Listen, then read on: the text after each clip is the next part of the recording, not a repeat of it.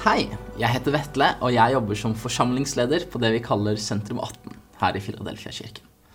Jeg har tenkt lenge på hva jeg skulle dele med dere i dag, og jeg må faktisk innrømme at dette er min første tale her i kirken, så jeg er litt nervøs, men jeg håper å glemme nervøsiteten litt underveis, og jeg håper virkelig at det jeg skal dele nå, skal få bety noe for deg som hører på, og at Jesus Kristus skal få blåse liv i de ordene jeg sier.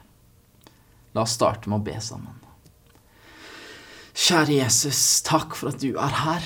Takk for at du elsker oss og vil ha en relasjon til oss. Jeg ber om at de ordene jeg nå skal dele, skal komme fra deg. At du skal blåse livet i, at de skal falle i god jord, og at de kan få bety en forskjell for de som hører på, om så bare ett menneske, pappa. Amen. Hva er grunnen til at du er her akkurat nå? Hva var avgjørende for at du kaller deg en kristen, eller at du er her på online gudstjeneste?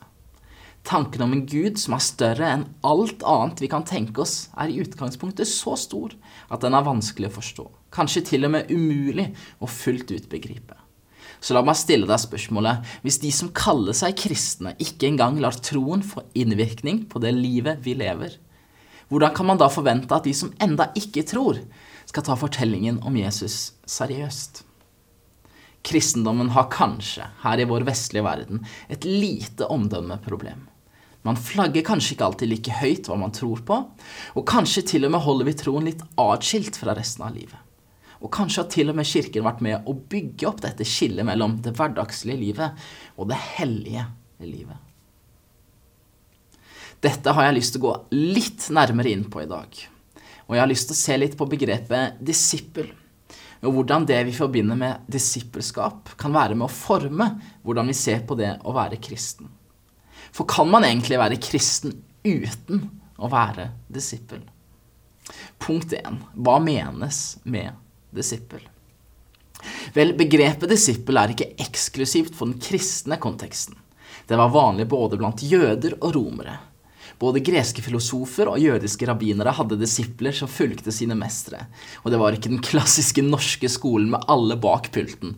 Her snakker vi liksom praktisk arbeidstrening, fotfølging, årvåkne blikk som skulle fange opp hver minste detalj som mesteren gjorde, slik at man en gang kunne fylle den samme oppgaven selv.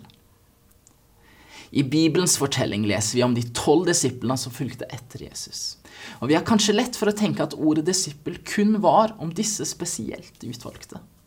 Vel, hvis du leser i slutten av ja, Johannes evangelium, så leser du noen få setninger om en mann som heter Josef fra Arimetea. En mann som hadde kommet til tro på Jesus, men holdt sin tro hemmelig i frykt for jødene. Selv Josef blir omtalt som disippel. Ordet brukes nemlig om de kristne, ikke de spesielle blant de kristne, men alle de kristne. I dag derimot har vi kanskje en trang til å spisse alt for å overforklare og legge til ting med gode intensjoner. Det finnes bøker av gode, utdannede teologer som denne Are you a Christian or a disciple? Er du en kristen eller en disippel? Men problemet er, selv om jeg skjønner ønsket om å lage distinksjoner og nyanser for å få frem gode poenger, så tror jeg at denne skilnaden faktisk gjør mer skade enn det gjør godt. Det finnes ikke vanlige, ordinære kristne og disipler, men det finnes etterfølgere av Jesus Kristus. Det er litt gøy at av alle disse listene som lages av hvordan en disippel bør være, så rakner de fort når vi åpner Bibelen. For selv apostlene, de tolv utvalgte disiplene, kommer ofte til kort på disse tekstbook-listene. Klisjéeksempelet er jo disippelen Peter som fornekter Jesus, går ut av båten når Jesus går på vannet. Han starter å tvile og starter å synke. Hvor ofte nevnes tvil i disse disippellistene? Så hvor vil jeg? Evangeliet er ikke historien om hva vi skal gjøre, men om Gud som har gjort alt for oss. Og ja, i lys av Jesus kan vi få respondere, handle og ikke minst bli forvandlet gjennom Hans nåde. Men utgangspunktet er ikke oss. Det er Hans grenseløse kjærlighet. Pastor og forkynner Tim Keller har sagt dette om disippelskap. Det kristne livet er en prosess av fornyelse i alle livets dimensjoner.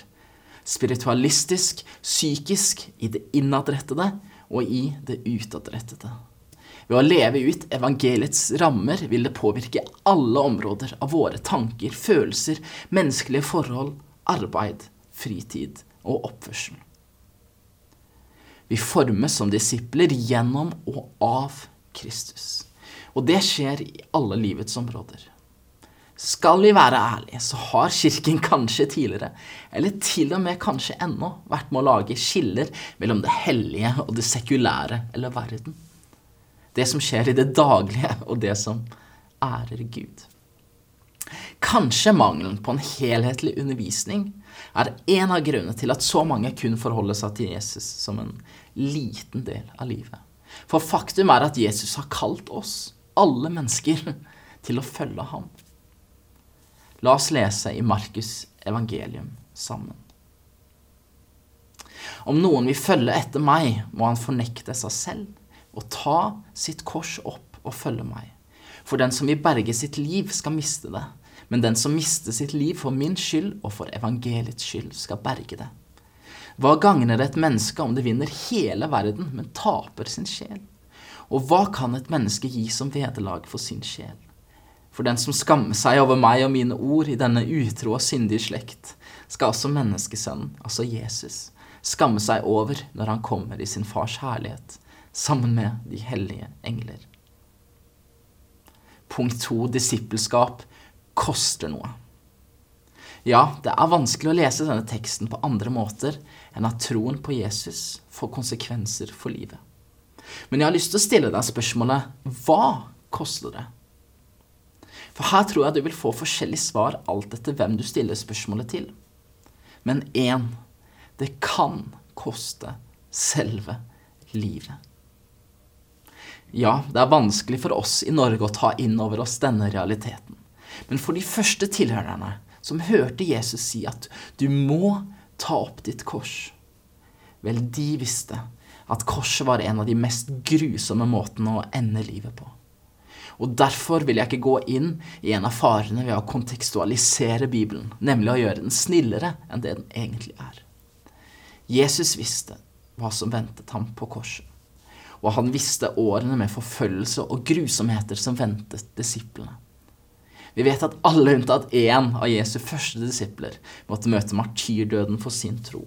Og sangene sier at disippelen Peter ble korsfestet opp ned fordi han ikke følte han var verdig til å dø på samme måte som sin frelser Jesus. Men for oss her i trygge Norge handler dette bibelverset kanskje noe om å stille seg villig. Villig til å gi alt til Jesus. La oss følge denne metaforen litt videre. I det øyeblikket du tok opp ditt kors og var på vei til den grusomme døden, betydde dette i en romersk kontekst i praksis at du mistet alle dine rettigheter. Det var fair game å gjøre hva man ville med den kriminelle. På ferden mot sin egen korsfestelse var Jesus offer for både fysisk og verbal mishandling. Legg merke til at når Jesus sier dette til disiplene, legger han ved fornekte seg selv. Den tiden vi lever i nå, snakker om å oppfylle egne drømmer og jakte på egne ambisjoner. Ja, selv være i kontroll. Jeg har vært, og er sikkert av og til fortsatt her selv. Jeg forteller Jesus at jeg vil gi ham alt, men jeg forteller ham også hvordan jeg skal tjene, hvordan jeg skal gi, hvordan, hvor jeg skal være, og hvor han skal lede meg. Du skjønner, egen kontroll. Det er viktig for oss mennesker. Men kanskje er det nettopp denne kontrollen Jesus ber oss slippe. For ved å være fri, så har man kanskje mer mulighet til å bli ledet. La meg presisere, og dette her er viktig. Jeg sier ikke at man må si opp jobben sin og være klar for at Jesus kommer igjen, at man må leve som en nomade og bare gå dit vinden blåser. Jeg er bare 30 år, og jeg har ikke vært med på hele den 2000 år lange reisen kirken har vært. Jeg vet at man bare kun en generasjon over meg ofte hørte nettopp dette. Gi avkall på verden og finn Gud. Men kanskje har frykten for å havne i denne grøften igjen gjort at man lar være å snakke om at evangeliet, disippelskapet, også har en pris. Samfunnet rundt oss skriker generasjon prestasjon, du er hva du får til. Men dette er ikke fortellingen i evangeliet. Men har lysten til å være motvekt på samfunnet gjort at vi får generasjon ja, hvilepute i kirken vår? En liten utfordring fra meg er disippellivet er en utfordring om å ta opp sitt kors og følge Jesus. Det koster noe, men han har lovet at det skal være verdt det. Som jeg startet med, det kristne livet, disippellivet, er en prosess av fornyelse og gjenoppretting i alle dimensjonene av livet. Så punkt tre, disippelskap, er å være til stede der du er.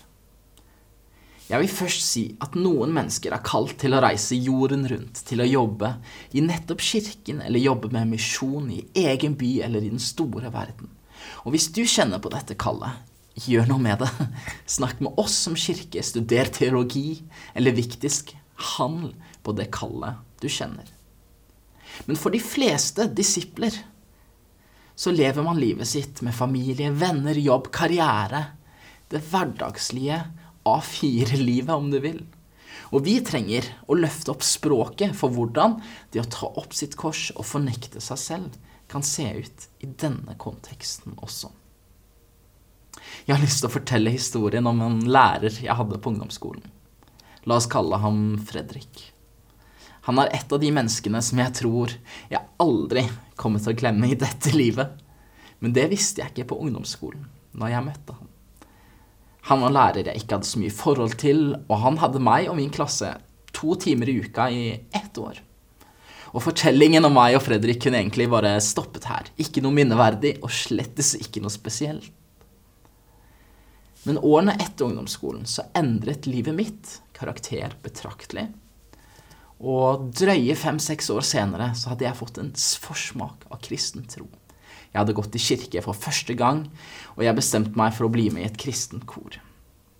Jeg kommer aldri til å glemme den første øvelsen hvor jeg går inn i det litt store rommet med 50 nye mennesker klar til å synge norsk-amerikansk gospel, og i den første pausen den kvelden så kom en mann bort til meg. Han så varmt på meg og sa, 'Vetle, ikke sant?'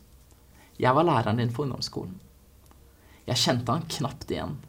Men Fredrik sto foran meg med det varmeste smilet jeg kan tenke. Og vi snakket litt løst og fast, og litt ut i samtalen fikk jeg høre at han hadde bedt for meg og mine medelever gjennom hele året han hadde hatt meg som elev. Og det at jeg plutselig sto der, nyfrelst og klar til å lovsynge Jesus, ja, det ble et bønnesvar for ham. Ikke lenge etterpå døde han etter lang tids sykdom. Men han mistet aldri troen på bønn. Og han fikk være en av dem som bar meg til tro gjennom sitt tilsynelatende alminnelige liv og jobb. Han var til stede der han var, og brukte bønnen, verktøyet disippellivet ga ham, der han var satt. Fredrik sin fortelling har, har satt seg i meg og jeg tror den vil sitte livet ut. Men for meg er den ikke bare en historie om han, men like mye en påminner i mitt eget liv. Du skjønner, han fikk se et lite glimt av frukten av bønnene sine. Men det var ikke gitt at han skulle få møte noen av sine tidligere elever igjen. Mister jeg og av og til troen på kraften i mitt eget disippelliv fordi jeg ikke nødvendigvis ser resultatene med en gang? Å være en kristen og å være en disippel er ikke to forskjellige ting. Nei, de henger sammen. Man er ikke det ene uten å være det andre. Samtidig kan vi kanskje være mer bevisst på å leve ut troen vår, selv om det vil koste, og selv om vi ikke alltid ser resultatene foran oss. Så la oss være til stede der vi er satt, og stole på at vi er der for en grunn. For som Paulus så fint sier, vi er Kristi brev, ikke skrevet med blekk, men med den levende Guds ånd. Så la våre liv være et gjenskinn av evangeliet, der vi er som en disippel av Jesus Kristus. Amen. Gud velsigne deg.